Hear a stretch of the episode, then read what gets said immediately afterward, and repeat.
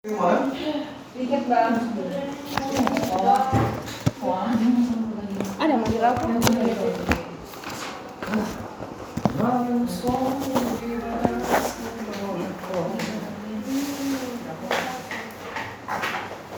Oke, kita lihat ya. Nomor 29 langsung kita bahas aja. Ya, kita ada kemudian kita. Dan gitu bang. Beberapa dahan pohon mangga terlihat mengering dan runtuh. Peristiwa ini menunjukkan adanya kerusakan pada jaringan apa? Dahannya yang runtuh. Ya, dahannya runtuh dan mengering. Kira-kira kalau terjadi seperti itu, ada kerusakan di atas. Kira-kira ada masalah apa? Ada suatu tumbuhan, batangnya masih utuh, tapi kalau di atas kok rusak? Pembulunya. Pembuluhnya mungkin benar. Karena pengangkutannya yang terganggu. Sistem pengangkutannya yang terganggu. Ya, transportasinya yang terganggu secara fasikuler. Berarti siapa jawabannya situ? Pembuluh, ya. Oke, lanjut nomor 30. Mempercepat kematangan. Pematangan buah siapa, Riku? Eh gimana? gas etilen ulang kita ulangi hanya se sekejap aja sekejap aja hanya ingat-ingatkan aja soalnya udah kita bahas kemarin-kemarin ada hormon-hormon pada tumbuhan atau yang dinamakan sebagai fito fitohormon ya fitohormon yang pertama ada au ausin kemudian yang kedua Sitokinin. yang ketiga Giberelin. Iya, giberelin. Oke, kita bahas satu-satu dulu. Nanti uh, giberelin. Ausin, di sini nanti ada proses fototropisme. Apa fototropisme, Riko? Fototropisme. Ya, fototropisme, foto. Cahaya. Jadi gerak gerak pada tumbuhan itu dapat dibedakan menjadi tiga. Satu, gerak tropisme. Yang kedua, gerak nasti. Dan yang ketiga, gerak taksis. Ya, jadi ada tiga gerak. Tropisme, ya, kemudian nasti, kemudian ada juga taksis. Ah, bedakan yang tiga-tiga ini. Mana tahu ditanya nanti. Kalau tropisme, ah coba Eh, itu arah gerakannya bergantung pada arah rangsangan. Ya, jadi gerakannya ditentukan oleh arah rangsangannya. Arah gerakannya ditentukan oleh arah rangsangannya. Itu namanya tropisme. Fototropisme. Berarti dia bergerak menuju cahaya. Arah rangsangannya. Tetapi ingat, kalau dikatakan fototropisme positif, ada yang negatif. Kalau positif berarti itu mendekati. Kalau dia negatif nanti menjauhi. Ada nggak gerak fototropisme negatif? Ada bang. Siapa itu? Yang aduh apa sih namanya?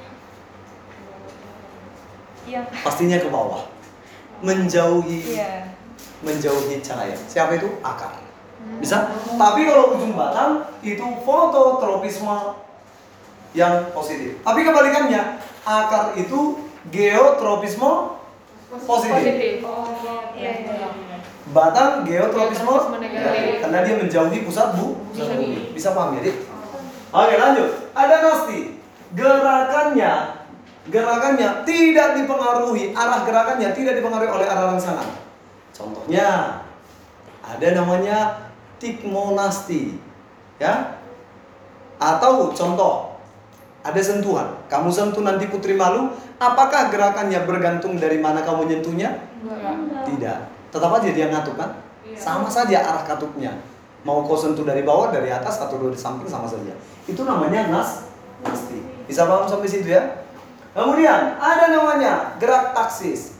Gerak taksis itu adalah gerakan tumbuhan yang bisa berpindah tempat karena dia punya flagel. Kenapa dia harus bergerak ke atas permukaan air? Contohnya itu adalah alga hijau. Alga mendapatkan cahaya. Dia menghasilkan oksigen, ya menghasilkan oksigen. Jadi bukan mendapatkan oksigen.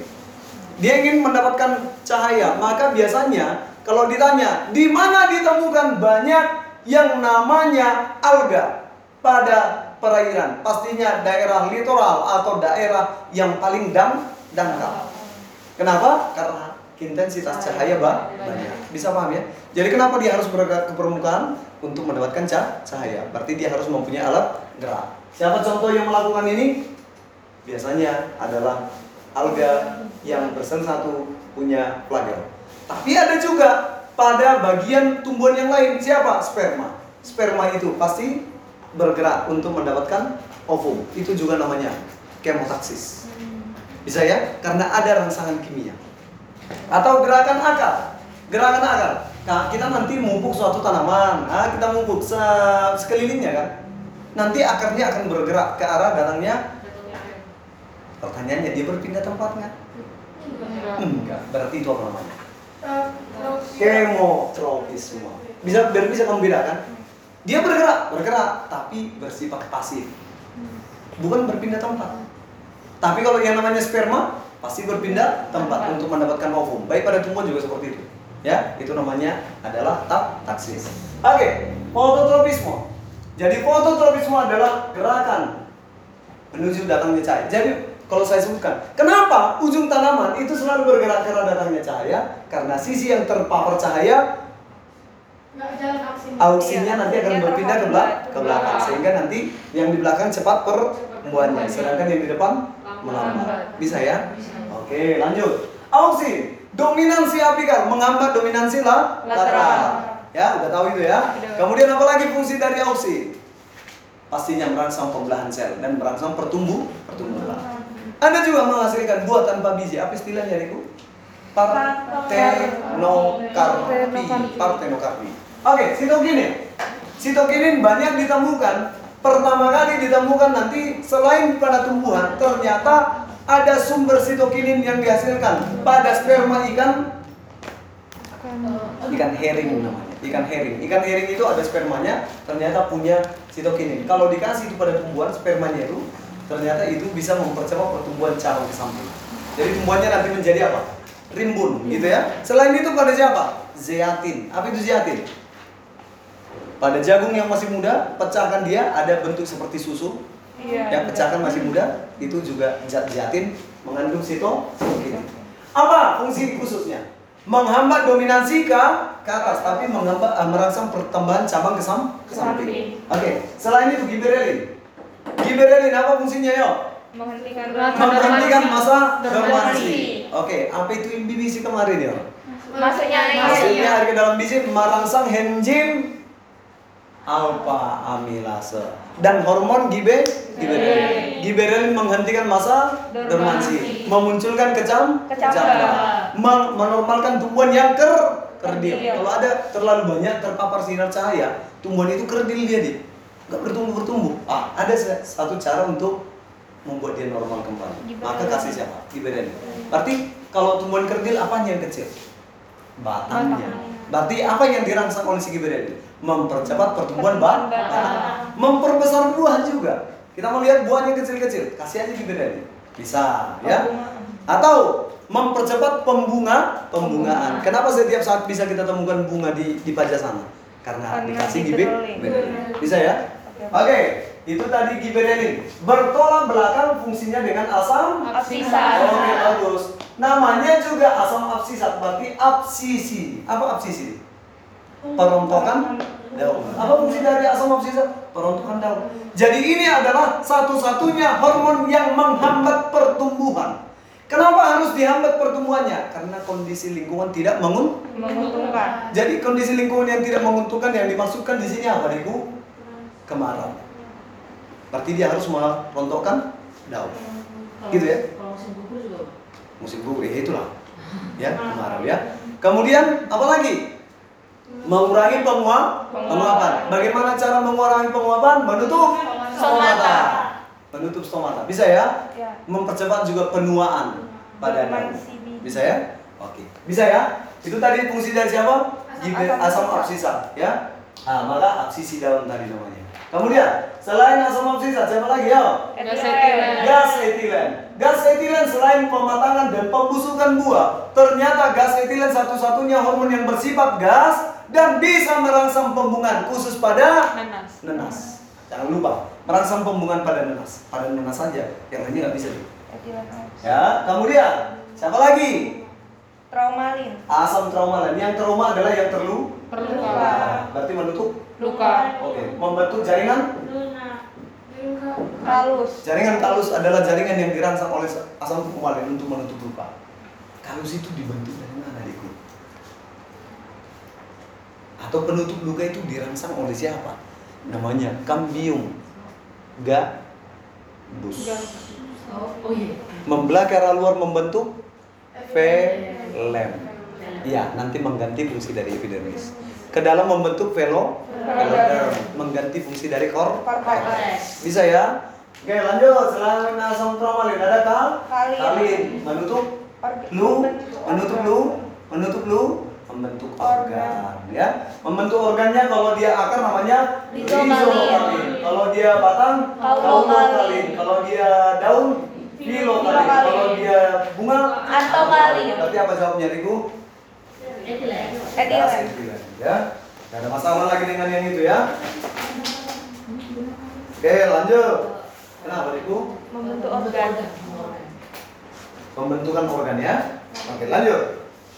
Nomor 31. Yang tidak di, yang tidak berperan dalam pembuluh bukan pembuluh darah itu ya, jadi pembekuan darah. Masih ingat mekanismenya kan? Mekanisme pembekuan darah. Mekanisme pembekuan darah. Ya. Oke, apa? Siapa sel darah yang berperan dalam pembekuan darah? Yo, siapa? Trombosit. Trombosit pecah. Nanti dengan bantuan zat anti hemofili. Zat anti hemofili. Hemofili kan nggak bisa membeku darahnya, maka antinya ya. Maka dihasilkanlah suatu enzim namanya trombokinase. Trombokinase nama lainnya siapa? Riku? Tromboplas, tromboplastin. Sama itu ya, tromboplastin. Sama saja. Tromboplastinnya atau trombokinase adalah enzim yang digunakan untuk en- ini enzim yang digunakan untuk mengubah siapa? Pro protrom protrombin. Protrombin ini adalah protein yang akan disekresikan. Terjadi sekresi protein. Apa maksudnya sekresi protein? Aktivasi, mengaktifkan protein protrombin menjadi suatu enzim. Namanya siapa? Trom. Jadi trombin itu apa? En enzim juga. Dengan bantuan siapa? Vitamin K dan juga yang kal kalsium. Begitu kan? Maka orang yang kekurangan vitamin K kemungkinan darahnya suka membeku bagus. Dan orang yang penyakit hemofili tambahkan aja vitamin K, nggak ada hubungannya. Karena hemofili itu adalah penyakit menu menurun, diwariskan, jadi itu nggak bisa diobati. Ya, itu nggak bisa diobati, adikku. Yang namanya penyakit menurun atau yang diwariskan secara hereditas itu nggak ada obatnya. Ya, berarti opung-opung, opung-opung, opung-opungnya siapa pertama kali yang mengalami itu, itu harus yang harus kita cari supaya jangan menular lagi kan begitu kan? Masalahnya nggak bisa lagi, belum mati semuanya. Ya, ya kan? Kemudian trombin nanti digunakan, ini enzim tadi kan, Dik? Iya, Bang. Ah, trombin nanti digunakan untuk mengubah suatu protein darah yang berperan dalam pembekuan. Siapa namanya? Fibrino, Fibrinogen. fibrinogen untuk diubah menjadi suatu jaring-jaring atau atau serat-serat fi- Serat fibrin. ya diikatlah siapa darahnya terjadilah pembe Pembekuan. inilah mekanisme pembekuan darah jangan sampai lupa ya dek ah jawabannya apa Eh. Entok ya oke dan kadar natrium di dalam tubuhmu itu apabila terganggu ketidakseimbangan adanya ketidak keseimbangan dari kadar natrium apa dampaknya kemarin yo siapa yang ingat Iya, urinnya menjadi banyak dan en Encer. encer. Apalagi yo? Siapa lagi yang ingat? Tekanan darahnya ting tinggi, terjadi pelebaran pembuluh darah. Ada kan? Meng- mengubah tekanan osmotik di dalam sel. Ada kan? Yang disuruh Theo kemarin Oh tuh. iya, oh iya. Oke, sekarang pertanyaannya, kalau kamu sudah ingat hormon apa namanya? Mineralokortikoid atau aldo Aldosteron. Jangan lupa. Aldosteron. Aldo. Aldosteron. Ingat si Aldo? Siapa ya. Aldo? Si, aku tak kenal dia. Si Aldo berarti dia itu mengatur kadar na natrium atau mineral ya.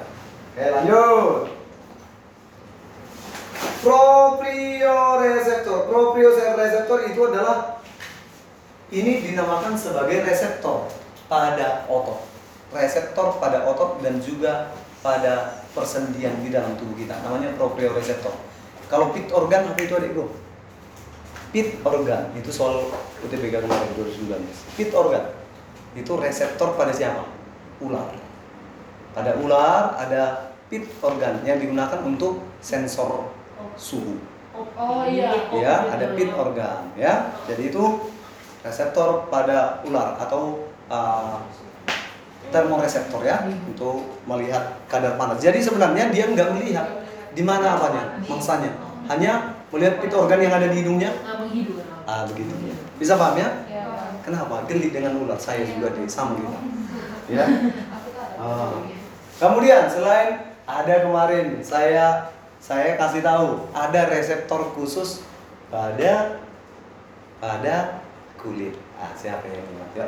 Ada tiga sel non keratin pada lapisan dermis.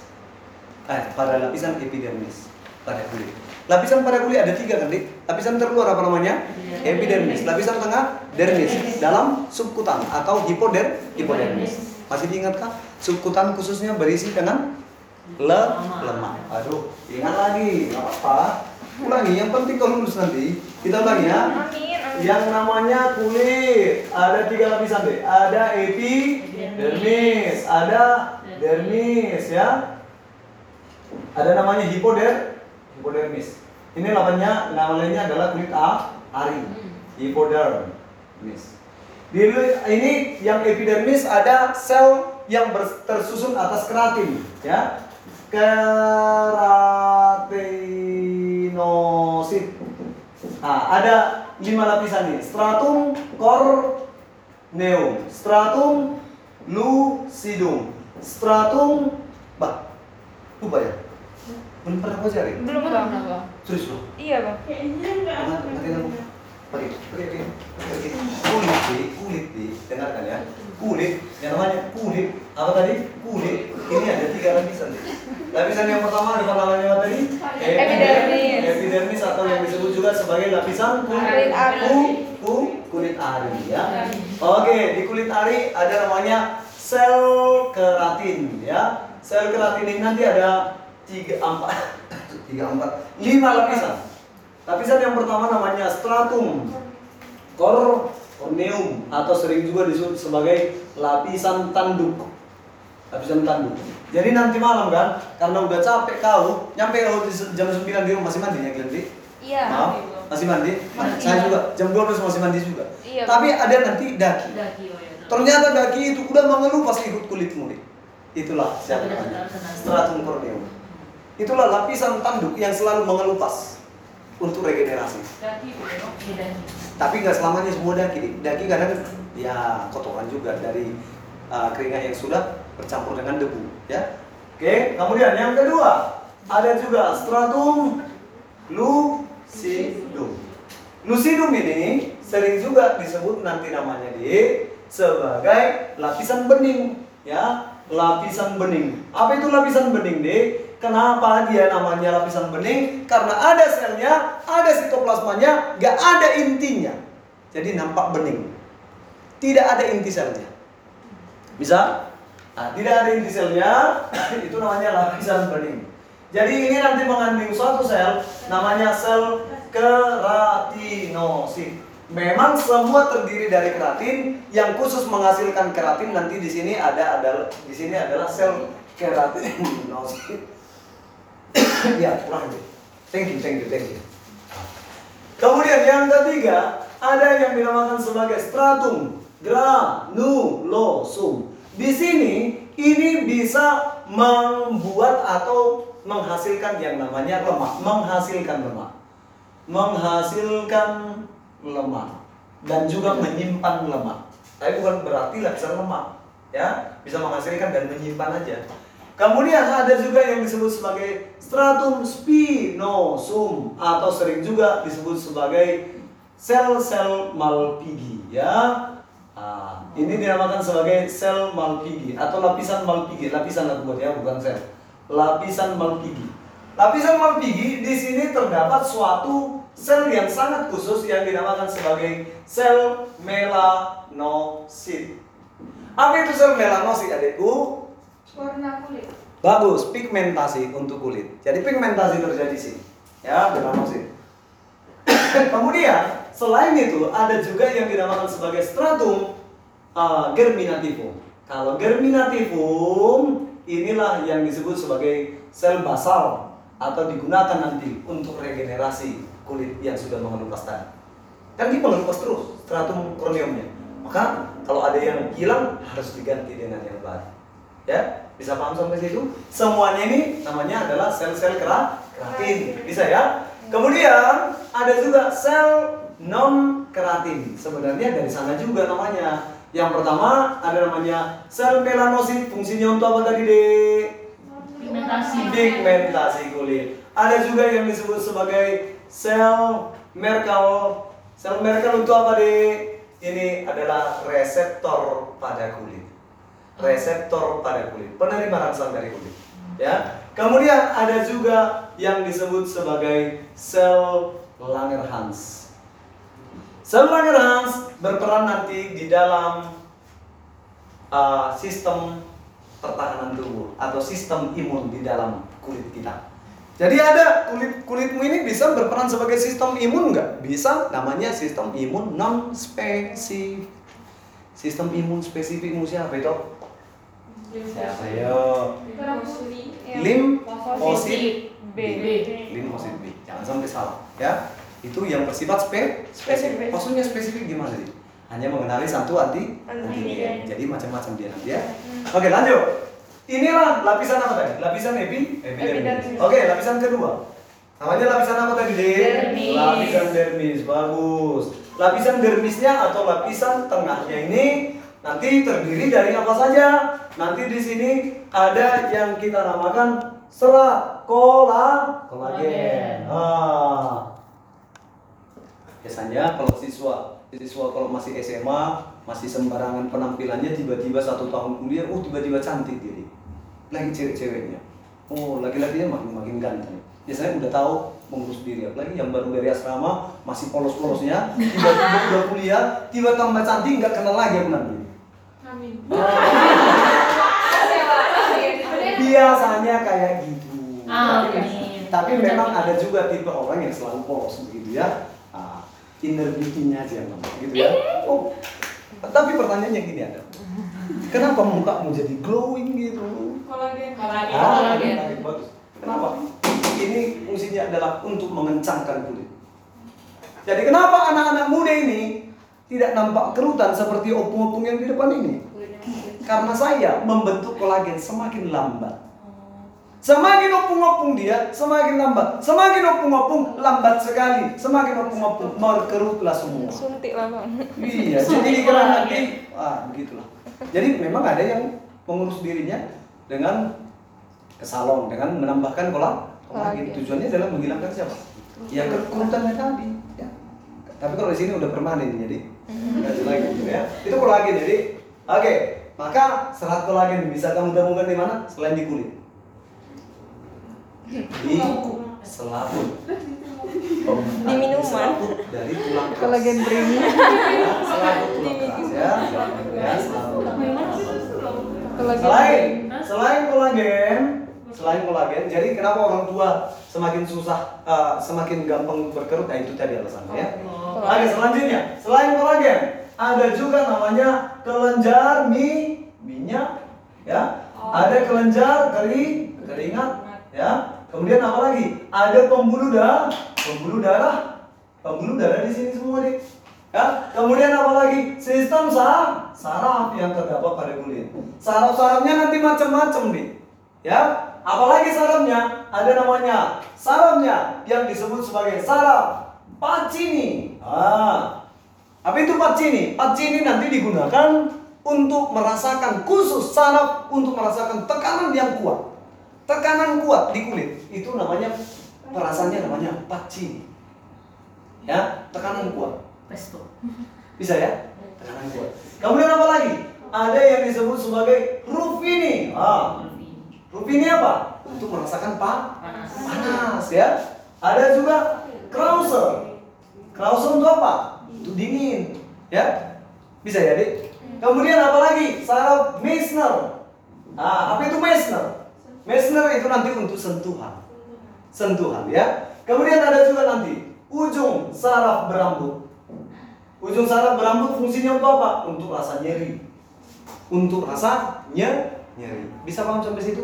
Sekarang pertanyaannya adalah bagaimana suatu kulit itu dapat menghasilkan keringat nanti nih? Itu dipengaruhi karena pekerjaan dari suatu sistem saraf. Siapa sarafnya? Tuh? Kira-kira keringatmu untuk apa, Riku? Eh, Suhu. su- Bagus, suhu. Terus untuk Kalau kau berbicara tentang suhu, berarti ada yang namanya regulasi suhu di dalam tubuhmu. Siapa namanya? Siapa yang ingat ya?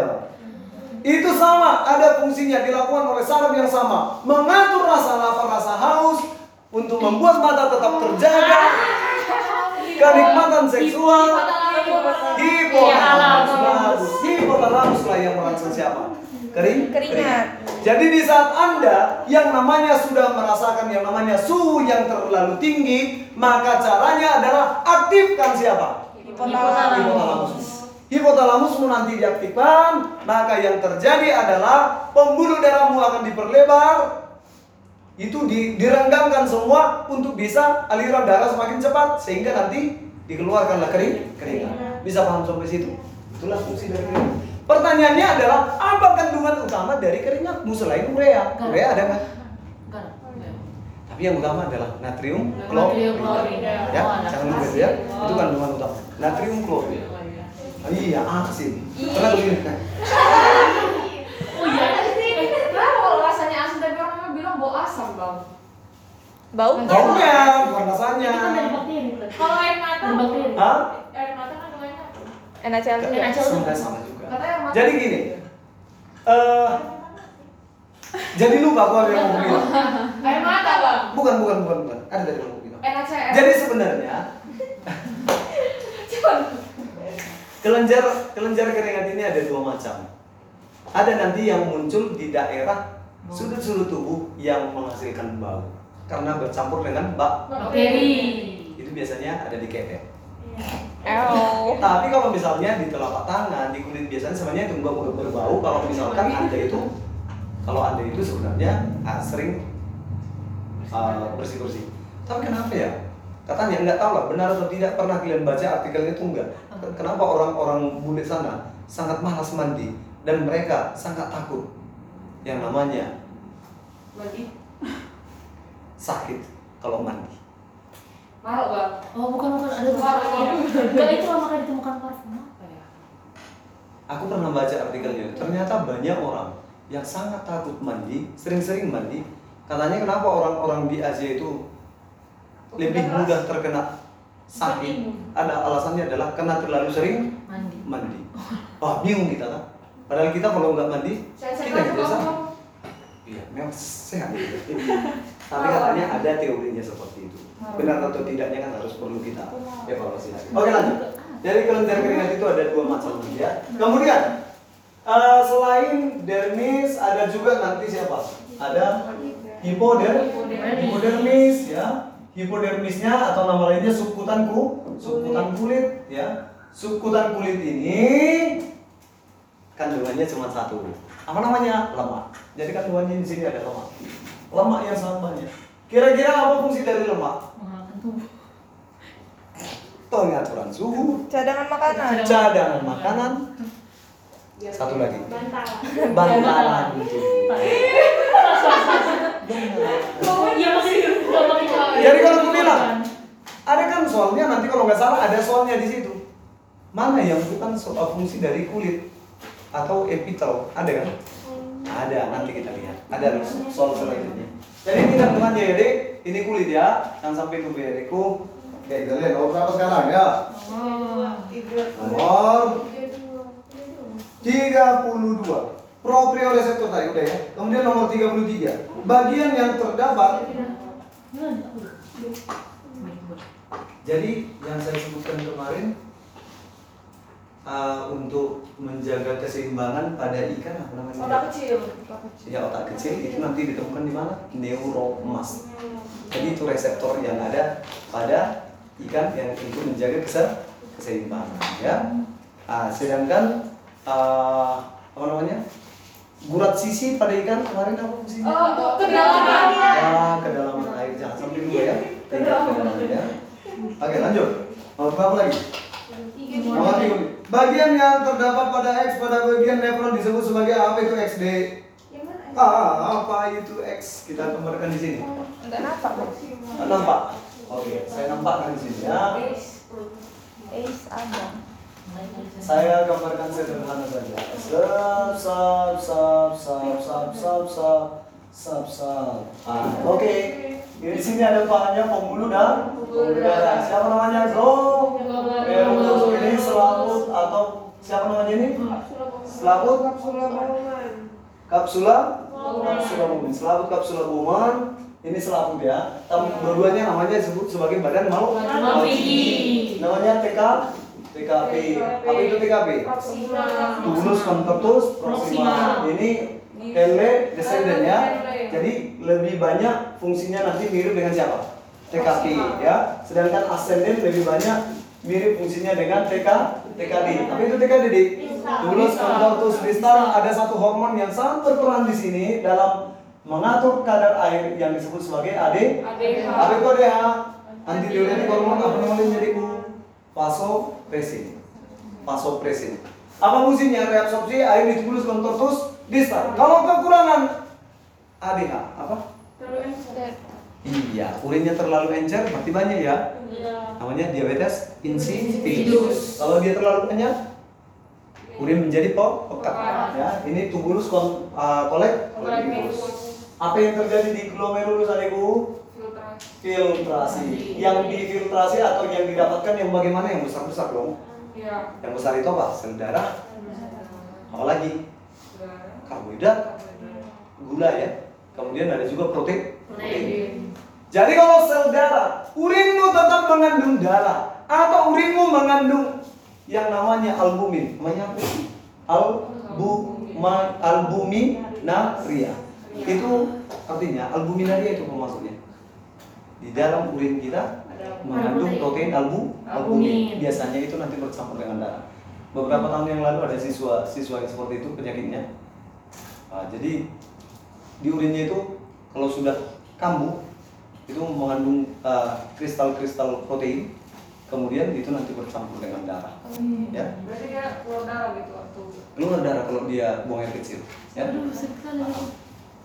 jadi itu kesalahannya di mana bro?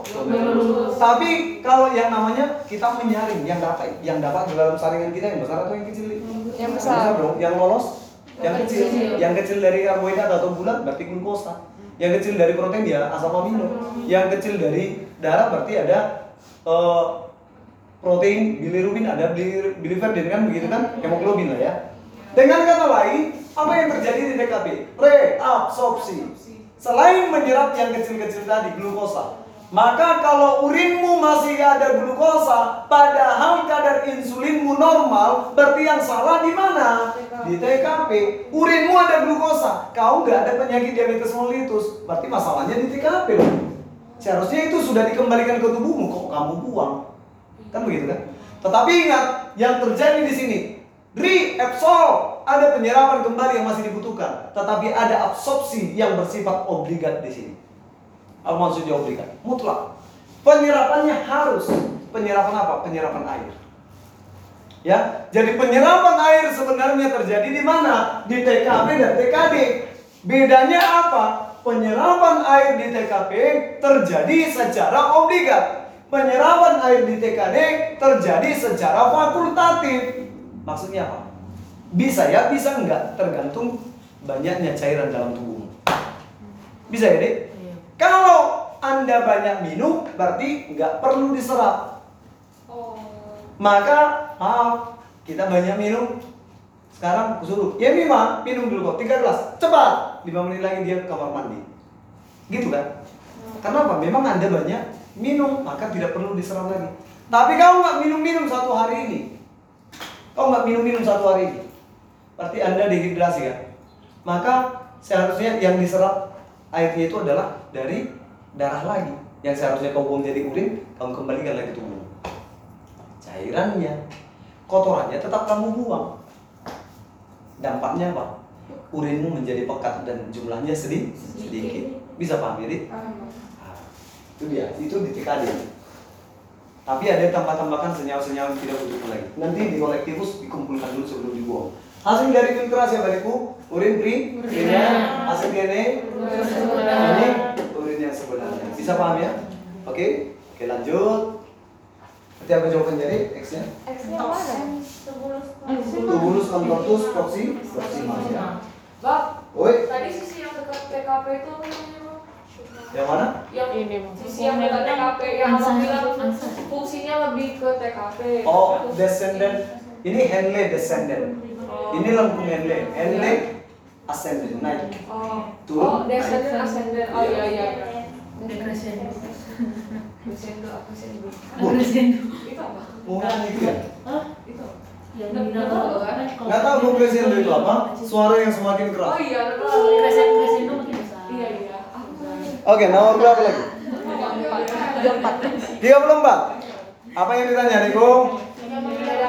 sampai Yang membedakan antara siapa? Protista dan bakteri. Protista itu eukariot atau prokariot Prokariot. prokariot dong. Yang bakteri sudah pasta pasti uni uniseluler, uniseluler. Tapi protista juga banyak banyak juga yang uniseluler. Ada kan? Iya. Ada yang multi? Oh, ada, ya. Kemudian apa lagi? Kita lihat. Reproduksi seksual dan aseksual dua-duanya ya. Memiliki dinding sel, siapa? Dua-duanya juga iya. Dinding sel pada bakteri siapa namanya, Deku? Peptidoglikan. Ya, siapa yang tidak punya pada bakteri atau monera yang tidak punya peptidoglikan? Arsae bakteria. Kalau punya eubacteria. Eubacteria. Kalau tebal namanya gram positif. Kalau sedikit Gram gram negatif. Gram positif warna apa? Ungu biru. Kalau dia gram negatif Merah. Bisa diingat ya? Pewarnaan gram namanya. Kalau tumbuhan semakin lama semakin tebal dindingnya, ada dinding sekunder hasil dari lignifikasi. Penebalan dinding semakin tua makin tebal, makin tua makin tebal. Itu namanya dinding sekunder. Tapi apakah bakteri bisa makin lama makin menebal? Tidak bisa. Memang udah diset dia. Ini harus tebal, ini harus tipis. Oh. Jadi dia ada soal kemarin. Oh. Pada bakteri, semakin uh, usia bakteri menentukan dia gram positif atau gram negatif. Benar kan? Pasti salah. Ya.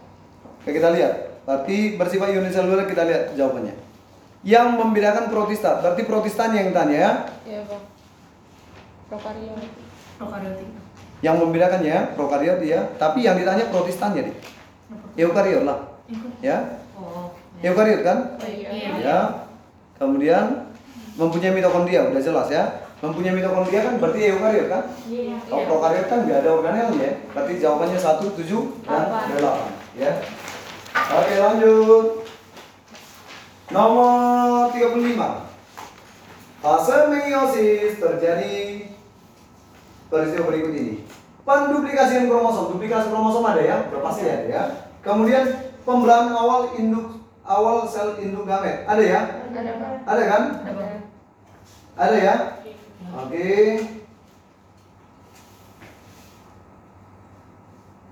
Kecuali kan? Iya. Oh, kita lihat dulu. Perbanyakan sel somatik, ah, itu salah. Itu apa? Mito? Mitosondrias. Ada kita buat tulis perbedaannya kemarin kan? Mitosondrias kan? Oke lanjut.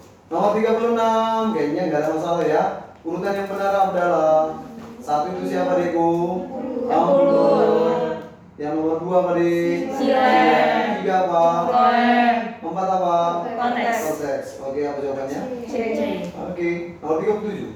Hewan berikut ini yang ditemukan berada di antara garis Weber dan garis tulis. Di antara, berarti apa? B.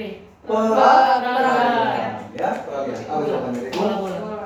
Bola ya, berarti siapa itu? Di daerah mana itu? Sulawesi, Nusa Tenggara, Timur. Nusa Tenggara Timur, Nusa Tenggara Barat masih ikut. Iya. Sebagian juga Bali. Ya. Oke, lanjut. Eh, fiksasi CO2 yang terjadi dalam siklus Calvin Benson melibatkan siapa nih? Rubisco. Rubisco, ya. PEP karboksilase sebenarnya ada nggak hubungannya? Enggak hasilnya. Ada nggak? PEP karboksilase siklus Calvin Benson itu enzim fiksasinya itu. Ya enzim fiksasi pada tumbuhan C4 dan CAM kalau masih ingat. Heksokinase itu adalah enzim yang digunakan untuk apa Riku? mengubah glukosa menjadi glukosa 6 fosfat. Ingat itu? Saat terjadi itu? Sisil. Glukosa menjadi glukosa 6 fosfat B Iya, di glikolisis. Tahap awal glikolisis ya. Tapi enzimnya kan siapa? Heksokinase. Maka ada soal kemarin anabolisme dan katabolisme. Siapa yang yang sudah eh, mengkoreksi jawabannya ke aku?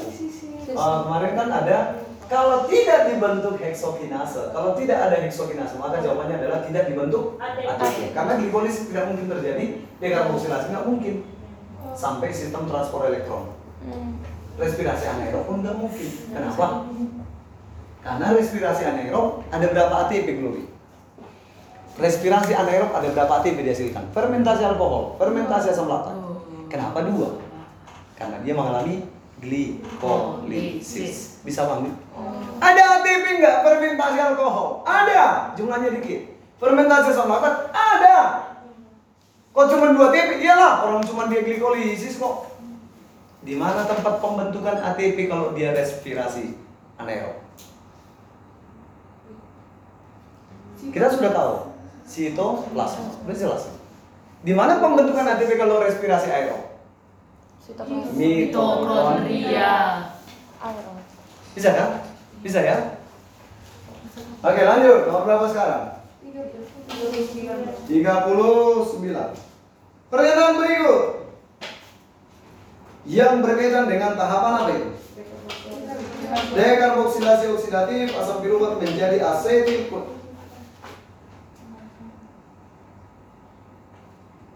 menjadi asetil koenzima.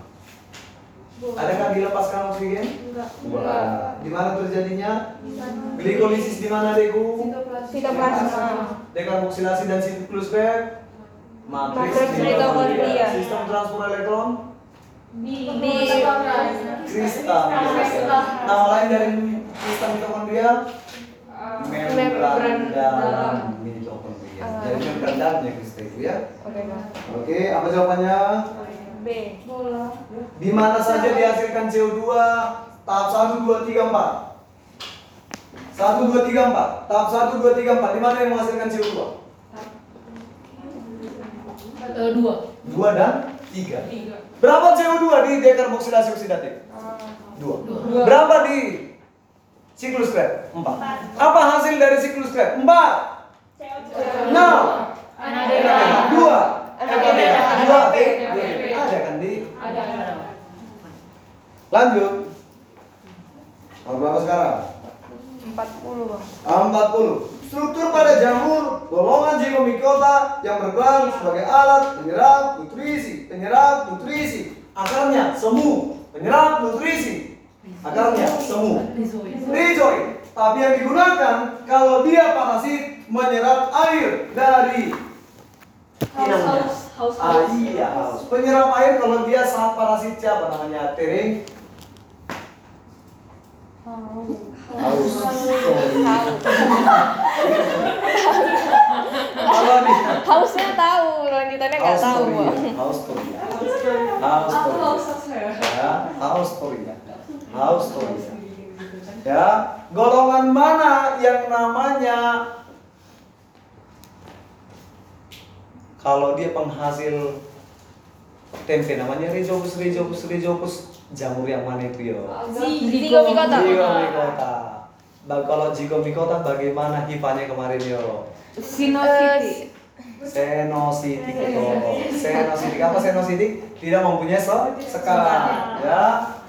Kalau dia yang bersel satu nama lainnya apa? Uni. Eh, uni. Ya iyalah sel Jamur bersel satu itu. Jamur bersel satu siapa namanya? Kamir. Kamir atau Ra Ragi atau Yes ya. Ah. Kemudian yang namanya bersel satu. Ah, benar atau salah kalimatku ini? Dengarkan baik-baik. pada Saccharomyces cerevisiae maka miseliumnya itu akan mempunyai sekat di mana eh, metabolisme di dalam eh, di dalam hifanya itu dibatasi oleh sekat-sekatnya dari benar atau tidak? Benar. Benar? Dibatasi. Saccharomyces cerevisiae Ascomycota. mengandung miselium di mana hifanya Iya. di mana Mana hifanya hifanya? mempunyai sekat benar atau salah? Benar. Salah. Sekat Gak ada miseliumnya itu. Oh. Miselium itu kumpulan dari hifa. Masalahnya Saccharomyces cerevisiae satu sel. Bersegmen. Oh iya ya. Hmm, satu sel hati-hati. Benar memang pernyataan di belakangnya, cuman bilang Iya. Iya, miselium. miselium. Ya, karena dia bersel satu. Gak mungkin, ya. Oke, lanjut. Berapa sekarang? Empat satu. 41. Berikut merupakan pasangan struktur dan fungsi organel yang benar. Ah, jauh dulu itu. Ah, badan Golgi untuk apa? Bagus salahnya, salah itu. Dia bukan kecualinya apa? Kecualinya adalah dodol. Oh ya, oh iya. RE kasar itu transport protein itu, bukan sintesis protein. Sintesis protein tetap dilakukan di mana? Ribosom. Kalau harus lemak. Iya. Jadi apa yang dimaksud dengan di situ sebagai gliko apa itu? Glikosilasi lantai protein. Maksudnya protein ini nanti dapat diubah menjadi apa? Produk-produk yang lain. Apa produk dari badan mulia? Lisosom bagus. Apalagi? Hormon bagus. Apalagi? Enzim. Enzim kan? Maka bahan dasar dari enzim itu apa? Protein. Kalau bagian enzim yang tersusun dari protein apa namanya adikku? Enzim ada dua kan? Ada yang terbuat dari protein, ada non pro. Non protein. Enzim ada dua, yang apoenzim. Ada juga gugus pros. Prostet, prostetik. Apa itu apoenzim? Apabila terbuat dari protein. Kalau gugus prostetik ada dua. Koenzim kofaktor. Koenzim kofaktor bagus. Koenzim apabila terbuat dari apa? Senyawa organik berupa vitamin. Sedangkan ini kofaktor dari Mineral. mineral.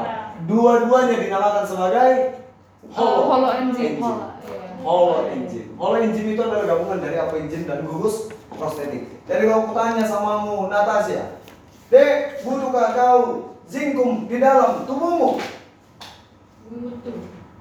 Apa bang? Zinkum. Zn. Zat. Ih, mineral. Ada di situ. Seng. Butuh nggak seng dalam tubuhmu? Perlu perlu. Perlu. Perlu. Pertanyaannya sebagai apa? Kofaktor, faktor. Butuh nggak vitamin dalam tubuhmu deh? Butuh, sebagai apa? Sebagai koenzim. Gitu. Bisa ya? Oke bang. Lanjut. Bisa bisa terus. Iya, benar benar benar. Perlu itu. Nomor berapa sekarang? Empat dua. Nomor 42. Persamaan antara pembelahan mitosis, meiosis dan sel manusia, hewan dan tumbuhan adalah di mana yang sama di situ, Dik? Masih ingat urutannya kemarin? Di profase apa? Profase apa? Eh, Profase, metafase, anafase. Apa yang terjadi sini? keruh. Sitoplasmanya keruh, inti sel dan anak Inti sel intinya mulai hilang. Kromatin berkondensasi menjadi kromosom. Kromosom. Kromosom terdiri dari kromatin. Ulangi sekali lagi. Sitoplasmanya mulai Keruh, inti selnya mulai Hilang. Kemudian kromatin berkondensasi menjadi Kromosom. terdiri dari Kromatin. Sentrosom membelah menjadi sentriol. Sentriol. Bergerak ke kutub arah membentuk benang Spindel. Di antara empat tahap ini yang paling lama energinya paling banyak dipakai. Di antara yang empat ini. Profase. Abang ini kayak nanya. Metafase, di metafase apa yang terjadi? Maka spindelnya mulai meman, Memanjang. memanjang. Inti sel dan anak inti benar-benar Hilang. menghilang. Kemudian apa lagi yang terjadi? Kromosom melekat. Kromosom melekat pada benang spin. Ada kan? Tahapan paling sing, singkat. Energinya paling dikit. Ulangi sekali lagi. Yuk. Apa yang terjadi di metafase tadi? Spindelnya Bergerak. Sel. intinya benar-benar Benar-benar. Benar. sentromer pada kromosom melekatkan diri pada spin bidang sehingga kromosom berjajar di bidang Ekuator. Kemudian di anafase selnya memanjang sehingga spindelnya memen Memendek. sentromer membelah sehingga kromosom tertarik dan terpisah ke kutub yang berlawanan. Kalau dia di telofase semua kebalikan dari. Profase.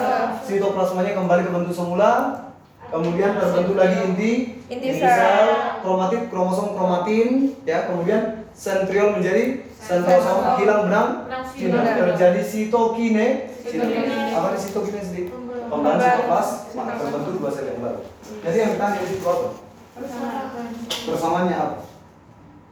Tidak terjadi kalau itu terjadi Asterspindel bukan di metafase profase sentromer dan sentrosom tidak berpeng- berpengaruh ada fase G1 diikuti dengan fase S selama interfase kalau di meiosis apa yang terjadi di meiosis bukan interfase namanya apa namanya interkina Migrasi kromosom terjadi di antara benang-benang spindel yang melekatkan pada kinetol udah pasti.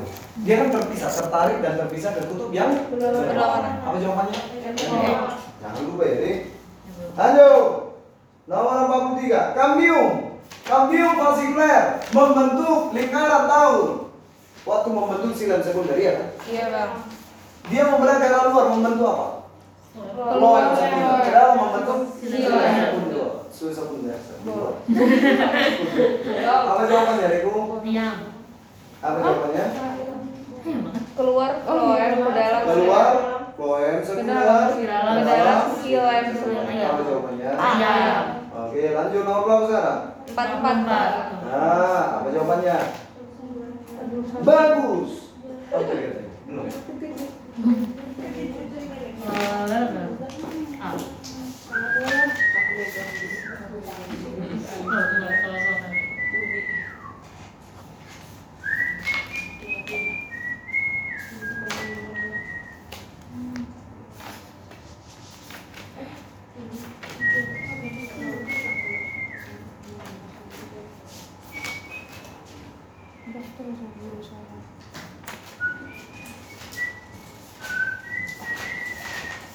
Ada berarti.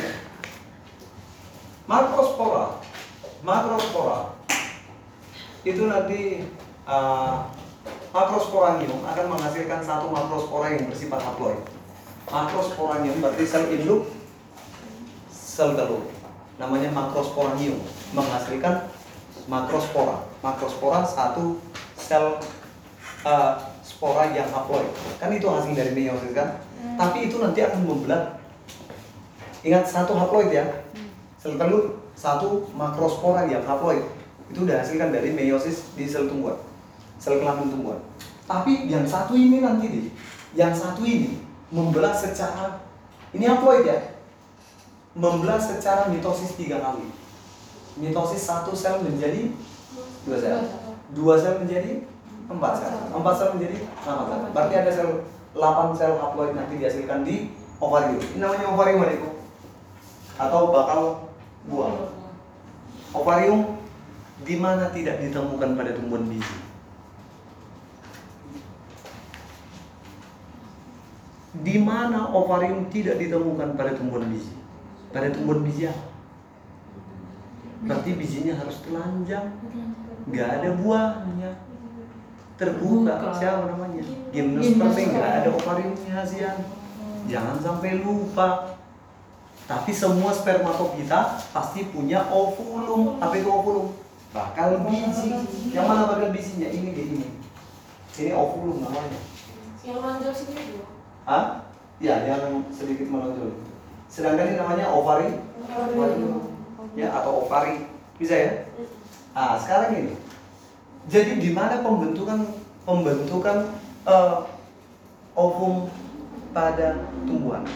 Pasti itu di dalam ovari, ovarium. Ya, ruang ovarium. Kita lihat, ada berapa sel yang haploid tadi dibentuk dari satu makrospora? 8 ya, bersifat haplo. Tiga lah itu nanti di kutub yang berlawanan. Dua lah itu di tengah mengalami kario. Kario. Kario. Kario Ah. Mengalami kario Dua sel tadi mengalami kario Apa maksudnya kario Penyatuan in, ini tadinya haploid menjadi diploid. Siapa namanya? Kalau ini namanya antipoda. Antipoda. Antipoda ini nanti terdegradasi. Di. Jadi nggak ada fungsi apa-apa sih sebenarnya. Ya. Yang dua ini namanya apa? Mengalami kariogami. Jadi apa? Inti, kandung, lembaga, sekunder. Yang sifatnya adalah sudah menjadi dua, dua N. Tadinya N. Bisa? Berapa lagi kurang nih? Tiga lagi. Satu lagi itu di tengah di bawah di kutub yang searah. Satu lebih besar di tengah. Itu namanya ovo. Namanya ovo.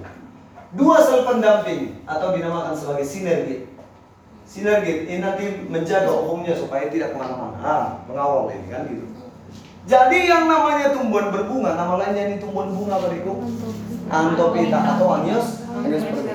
Angiosperme, ingat, Angiosperme mengalami pembuahan secara tunggal atau ganda. Fertilisasinya tunggal apa ganda?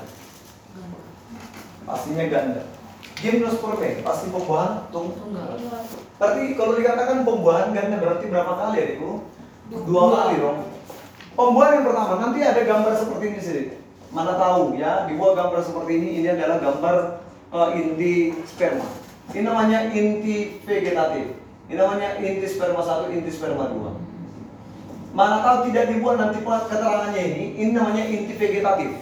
Berarti ini bukan digunakan untuk membuahi. Ingat itu.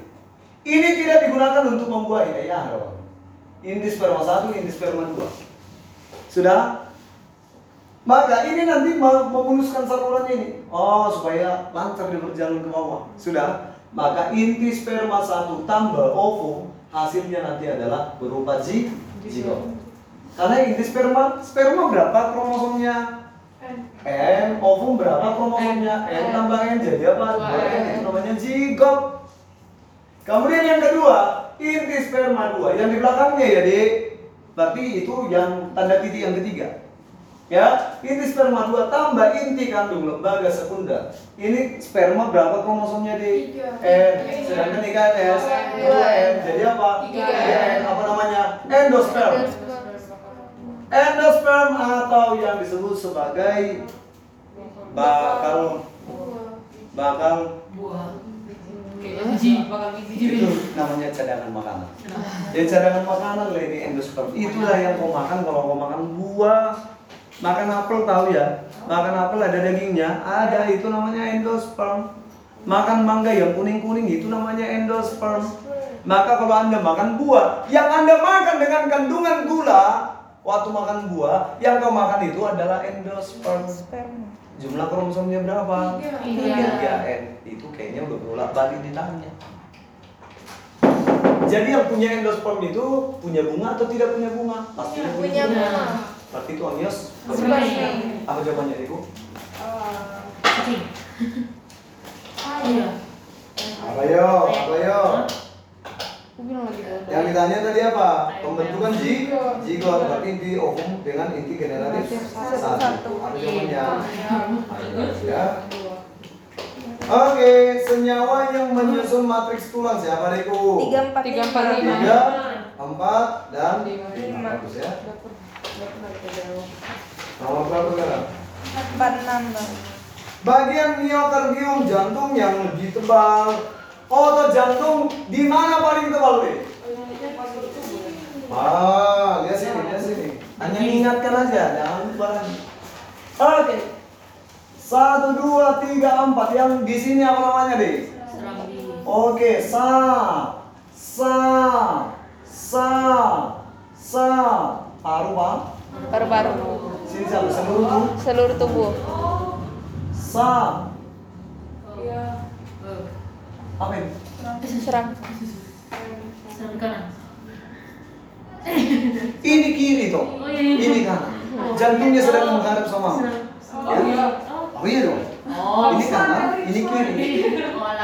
Ini kanan, ini kiri. Ini kanan, ini kiri. Oh, oke. Tapi menghadap sama aku bang. Yuk, Iya, ini. Ya ampun, ini ini kanan. Aduh, balik lagi ya. Ini kanan. Ah, itu sekali. Oh, Jadi gitu mas ya. Ah, ya lah. nanti akan dipompa ke mana? Ke seluruh tubuh. Ingat teorinya Lamar, use and disuse. Organ yang sering digunakan akan membesar, yang jarang digunakan mengecil. Otot saya kalau saya angkat dengan 5 kilo beban, 1 kilo beban, otot yang mana paling besar, Dek? Yang di kanan dong. Karena tekanannya paling kontraksinya paling besar. Oke. Nanti kan? Dengarkan sini. Oke. Dengarkan sini. Dari seluruh tubuh, nanti darah dibawa masuk ke atrium kanan. Ini kanan kan? Iya, iya. Atrium kanan, ventrikel kanan. Atrium kiri, ventrikel kiri. Ada katupnya deh, ada. Tricus pidalis. Ada katup di sini, ada semi lunaris. Ada katup di sini, ada semi lunaris aorta. Di sini semi lunaris pulmonal. Pulmo itu apa? Paru-paru. Ya. Ayo berarti ya. Sapin dulu loh. Yang namanya seluruh tubuh Maaf ya bang. darah. Apa lagi? Aku nggak puas kalau nggak kayak gitu. Seluruh tubuh, seluruh tubuh itu kan nanti darah akan dibawa darah yang sudah kotor dibawa oleh vena yang paling besar. Siapa namanya? Vena cava. Vena cava ada dua, vena cava superior dan inferior. Vena cava superior membawa darah dari tubuh bagian atas, dari bawah itu inferior. Jadi vena dengan kata lain, vena fungsinya membawa darah yang kotor kecuali vena pulmonaris. Iya. Dan fungsinya adalah selalu membawa masuk ke dalam jantung. Udah jelas itu, ya. Vena apa, Pak? Vena paling besar tadi, vena kan? Ada kantongnya, ada yang membatasi antara atrium kanan dan ventrikel kanan. Siapa namanya, Diko? Patok. Namanya Tricus pidalis. Tiga daunnya, ya. Tricus pidalis. Apa makna keberadaan dari katupnya di sini? Mencegah darah kembali ke atri, atrium. Maka atrium fungsinya adalah menerima darah. Maka dia menerima darah, maka dia harus relax menerima. Tapi ada kalanya dia nanti harus memompa, maka ini yang masuk. Dibatasi lagi di sini. Masuk di sini. Dipompa dari mana? Berkontraksi lah ventri, ventrikel kanan. Ke mana? Paru-paru. Mendorong darah ke paru-paru. Siapa yang membawa darah masuk ke dalam jantung tadi nih? Namanya vena. Yang membawa keluar Arteri. Berarti namanya arteri. Yang kaya akan CO2. Semua arteri kaya akan oksigen kecuali arteri pulmonaris. Semua vena kaya akan CO2 kecuali Vena pulmonaris. Bisa diingat? Maka di paru-paru terjadi apa Sisil? Bagus, respirasi, pertukaran gas, pernapasan.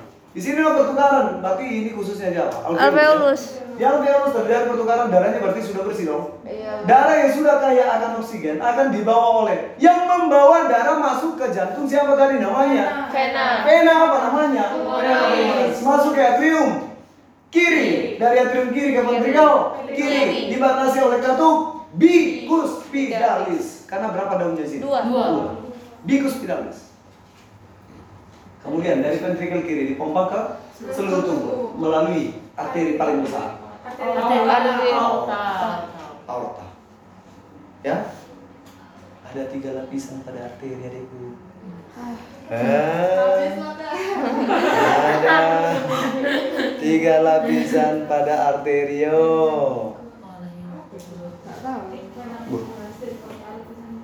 Lapisan terluar, lapisan tengah, lapisan terdalam. Oh, siapa namanya yo?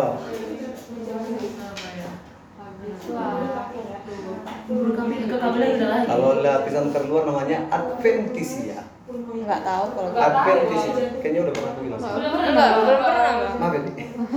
Adventisia, ya, lapisan terluar, terluar. Lapisan tengah media. Ya.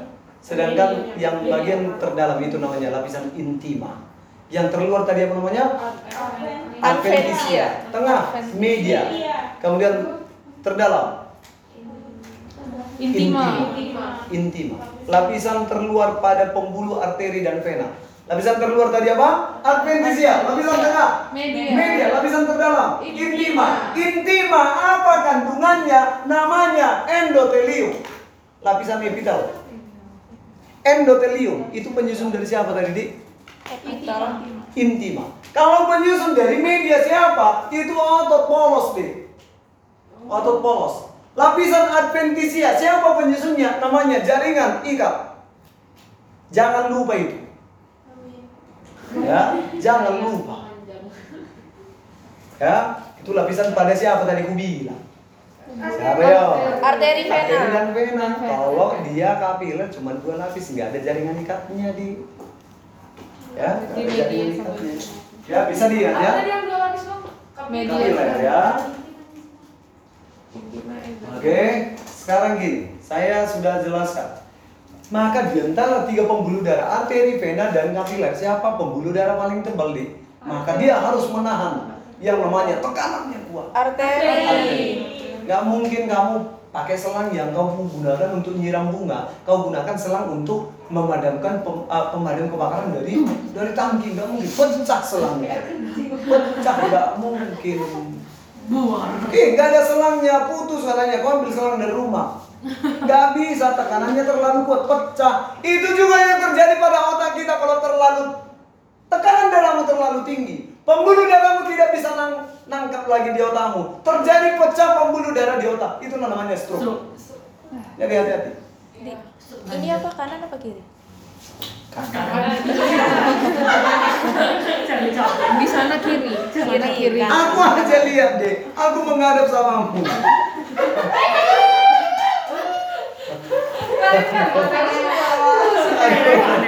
Aku menghadap sama. Ya. Aduh, kebiasaan anakku lihat main itu jadi kayak gitu buat buat. Oke.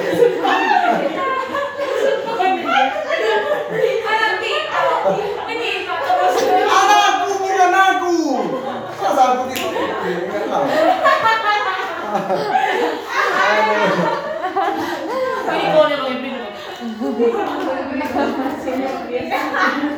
Ini. Nah. itu itu itu yang masuk di strike memang.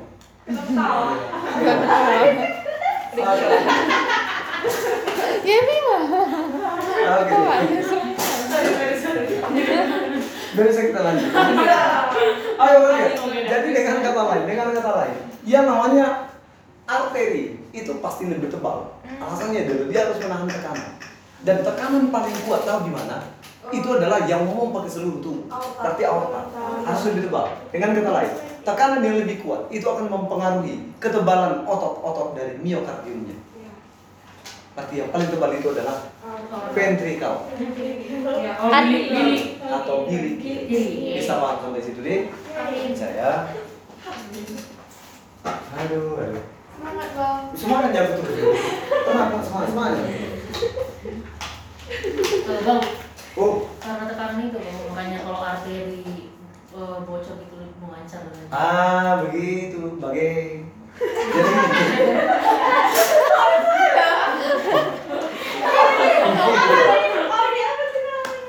bagai aku berbakar oh, begitu. Terapi terapi. emang Jadi sebenarnya, jadi kalau ada perlukaan pada darah, ada perlukaan pada darah, itu nanti akan memancar darahnya. Pernah lihat orang kalau lagi uh, Idul Adha atau musim uh, Kurban. kurban, itu kan kalau dipotong orang itu kan motong langsung jalan kan, kan Iya. darahnya.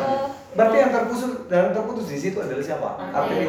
Tapi kalau cuma netes, deh kamu mau bunuh diri jangan tanggung.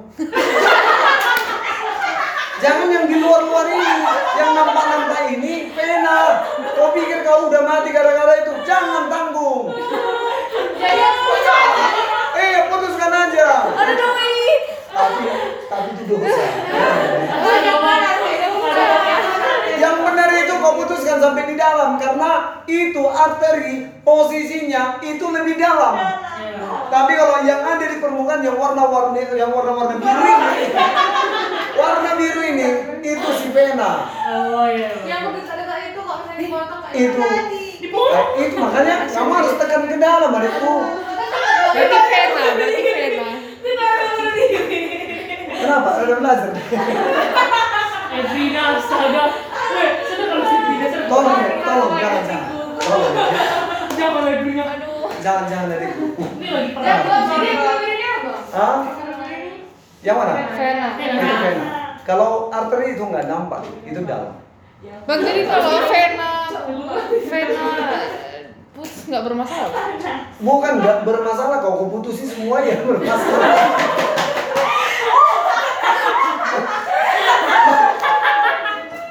Maksudku biar cepat.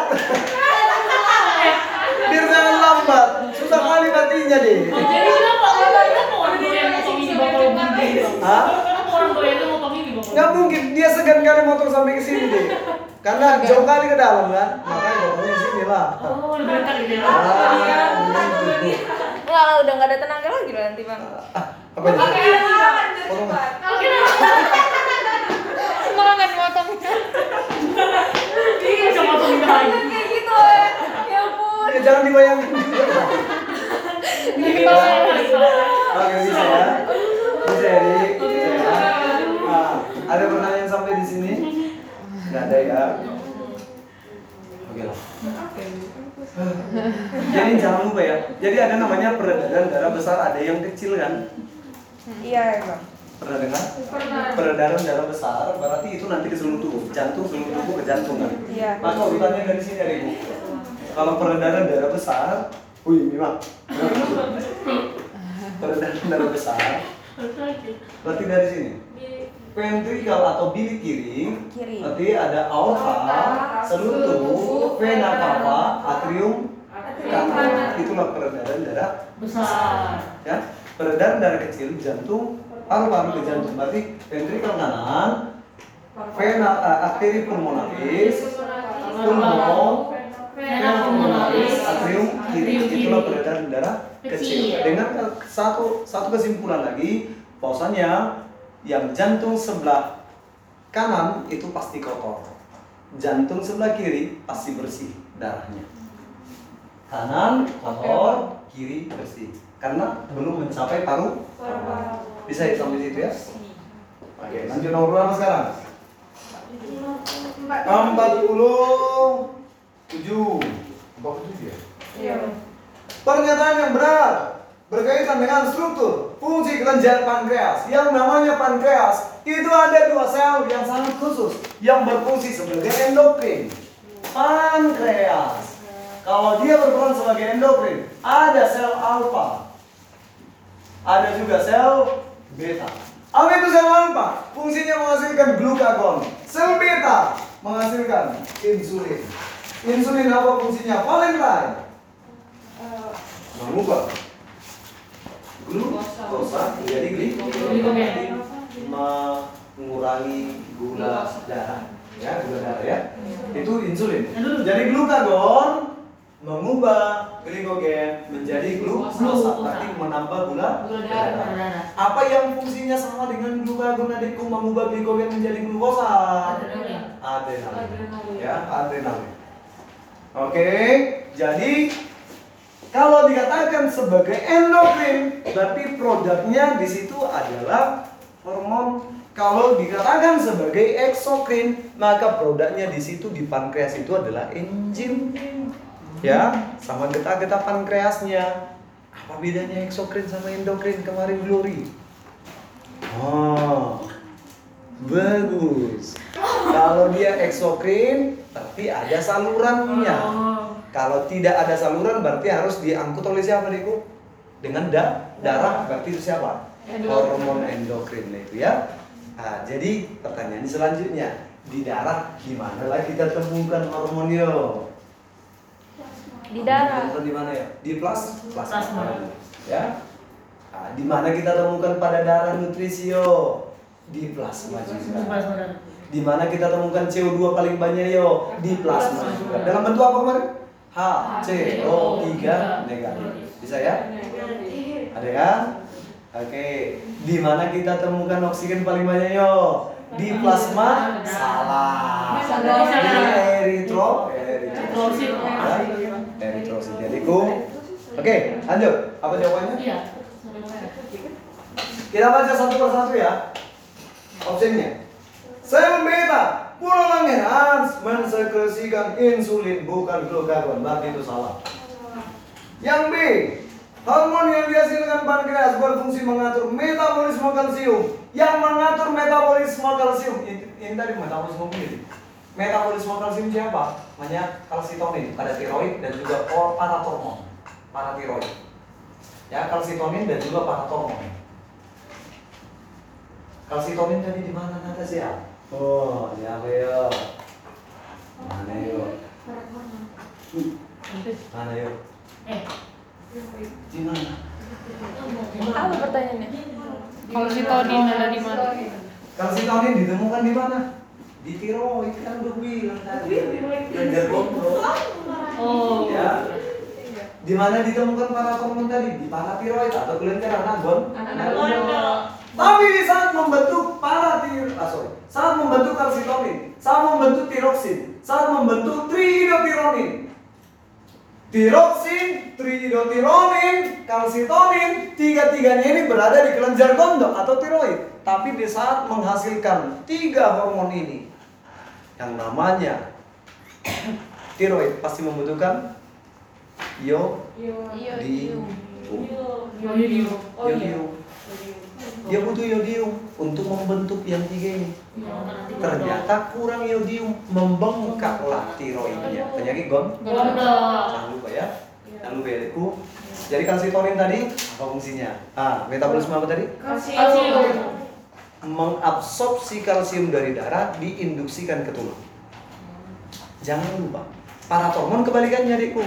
Mengabsorpsi kalsium dari tulang diinduksikan ke dalam darah. Darah. Bisa ya? Kalsium sangat dibutuhkan saat kapan? Yo, ah, siapa siapa ingat? Kalsium sangat dibutuhkan saat kapan? Oh, bagus, betul tulang. Satu lagi, lagi yang lain. Itu udah benar. Apa? Saat kau melakukan gerak, gerak, rangsangan kemarin kan ada kalsium. Mekanisme kontraksi otot siapa yang ingat? Coba. Ini menerima. Halo. Dengarkan baik-baik, dengarkan baik-baik. Saya hanya untuk mengingatkan. Saya nggak tahu su- sudah seperti apa persiapanmu di rumah dan seberapa siap Anda untuk ujian. Dan paling tidak apa yang bisa semampuku aku, aku ingat-ingatkan lagi. Mana tahu itu jadi soalmu. Dengarkan baik-baik. Pertama adalah impuls sampai di neuromuscular junction. Ada kan? impuls sampai di neuromuscular junction mengakibatkan dibebaskannya asetil Asetilkolin. asetilkolin dibebaskan maka terjadi depolarisasi di sel o Otot. otot. Ulang sekali lagi. Apa tadi? Impuls sampai di neuromuscular junction dibebaskan asetilkolin Asetilkolin. Kemudian mengakibatkan depolarisasi di sel otot. Terjadinya depolarisasi sel otot, dibebaskanlah sikal Kalsium. dari retikulum sarkoplasma. Kalsiumnya berikatan dengan tropo troponin. Berubah bentuk troponin dan tropomyosin. Maka terbukalah sisi aktif pada aktin berikatan dengan myosin. Diuraikanlah siapa? ATP menjadi ADP. Terjadilah kontraksi. Ulangi sekali lagi. Sama kita. Hanya mengingatkan aja. Jadi siapalah tadi yang mengikat kalsium? Troponin. Troponin bagus. Troponin. Ulangi sekali lagi. Impuls sampai di mana tadi? Neuromuscular. Mengakibatkan terjadinya pelepasan asetil Asetilkolin. dibebaskan asetilkolin maka terjadilah Depolarisasi. depolarisasi di. Terjadi depolarisasi dilepaskanlah siapa? Kal Kalsium. dari retikulum Sarkoplasma. Kalsium berikatan dengan Troponin. troponin. Berubah bentuk troponin dan Tropo- tropomyosin. tropomyosin. Apa itu troponin dan tropomyosin? Protein regulasi pada aktin. Terbuka tadinya ini dua-duanya protein regulasi ini menutupi siapa? Menutupi siapa tadi? Sisi aktif pada siapa? Aktin. Karena sudah terbuka sisi aktifnya, berikatanlah dia dengan siapa? Myosin. Di miosin di kepala miosin yang berikatan dengan sisi aktifnya tadi ada ATP. ATP. Diuraikanlah ATP menjadi ADP. terjadilah Kontraksi. supaya berhenti supaya berhenti yang namanya rangsangan. Maka uraikanlah si asetil kolin. Menggunakan enzim kolin esterase. Jangan dibebaskan lagi asetil kolinnya hentikan itu saya cukup capek. Benar. Karena besok pagi kita juga masuk lagi. Ya. Oke. Sebelum kita pulang, sebelum ditulisi lagi, nanti perpanjang lagi menulisnya. Kita berdoa.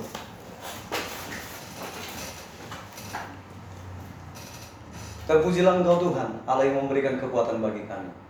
Kami muliakan Engkau Yesus, karena kasih-Mu yang sungguh sempurna di dalam kehidupan kami. Dalam setiap kegiatan kami, dalam setiap aktivitas kami sepanjang hari ini, Tuhan memberikan keselamatan, hikmat, dan juga pengetahuan yang sungguh luar biasa yang daripada Allah. Terima kasih untuk kekuatan, terima kasih untuk setiap proses yang dapat kami lalui. Bahkan kami juga bersyukur untuk napas hidup yang Tuhan beri bagi kami. Dan kami juga bersyukur saat kami dapat menyelesaikan hari ini di dalam anugerah Tuhan. Dan biarlah segala sesuatu yang kami lakukan sepanjang hari ini, semuanya itu hanya untuk hormat, kemuliaan bagi nama Tuhan. Dan kami berserah penuh untuk setiap proses yang kami lakukan ini. Terkhusus untuk adik-adik kami ini Tuhan. Engkau tahu Tuhan apa yang mereka pilih untuk menjadi uh, pilihan mereka, jurusan mereka di masa depan mereka untuk kuliah nanti.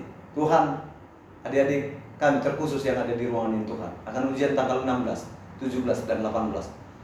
Apabila kami mengandalkan diri kami sendiri, maka kami kegagalan akan menjadi milik kami. Tapi apabila kami mengandalkan manusia, seperti yang Tuhan firmankan, para siapa yang mengandalkan manusia, maka yang kami dapatkan adalah kecewa. Tapi apabila kami mengandalkan Tuhan, damai sejahtera dan sukacita yang akan kami dapatkan.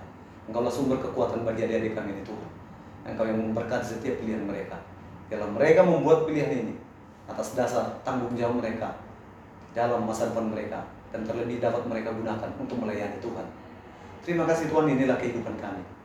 Kami serahkan kehidupan kami bahkan orang tua dari adik-adik kami juga hanya ke dalam tangan Tuhan. Berkati mereka kehidupan mereka bahkan engkau juga berikan kesehatan umur yang panjang menjadi milik mereka bahkan rezeki yang berlimpah yang daripada Allah. Dan sebentar lagi kami akan kembali dari tempat ini.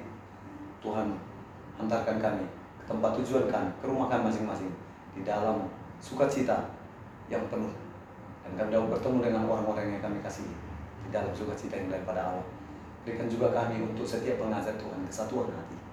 Berikan kami untuk setiap pengajar Tuhan kerendahan hati supaya kami tidak mengandalkan pikiran kami tapi kami tetap mengandalkan Tuhan di dalam kehidupan kami. Dan kami menjadi saluran berkat buat adik-adik kami. Terpuji termulia engkau Tuhan ampunkan kami dari setiap dosa yang kami lakukan. Supaya kami layak menerima setiap berkat di dalam nama Yesus kami berdoa kami bersyukur. Amin. Oke sampai besok ya. Makasih. oke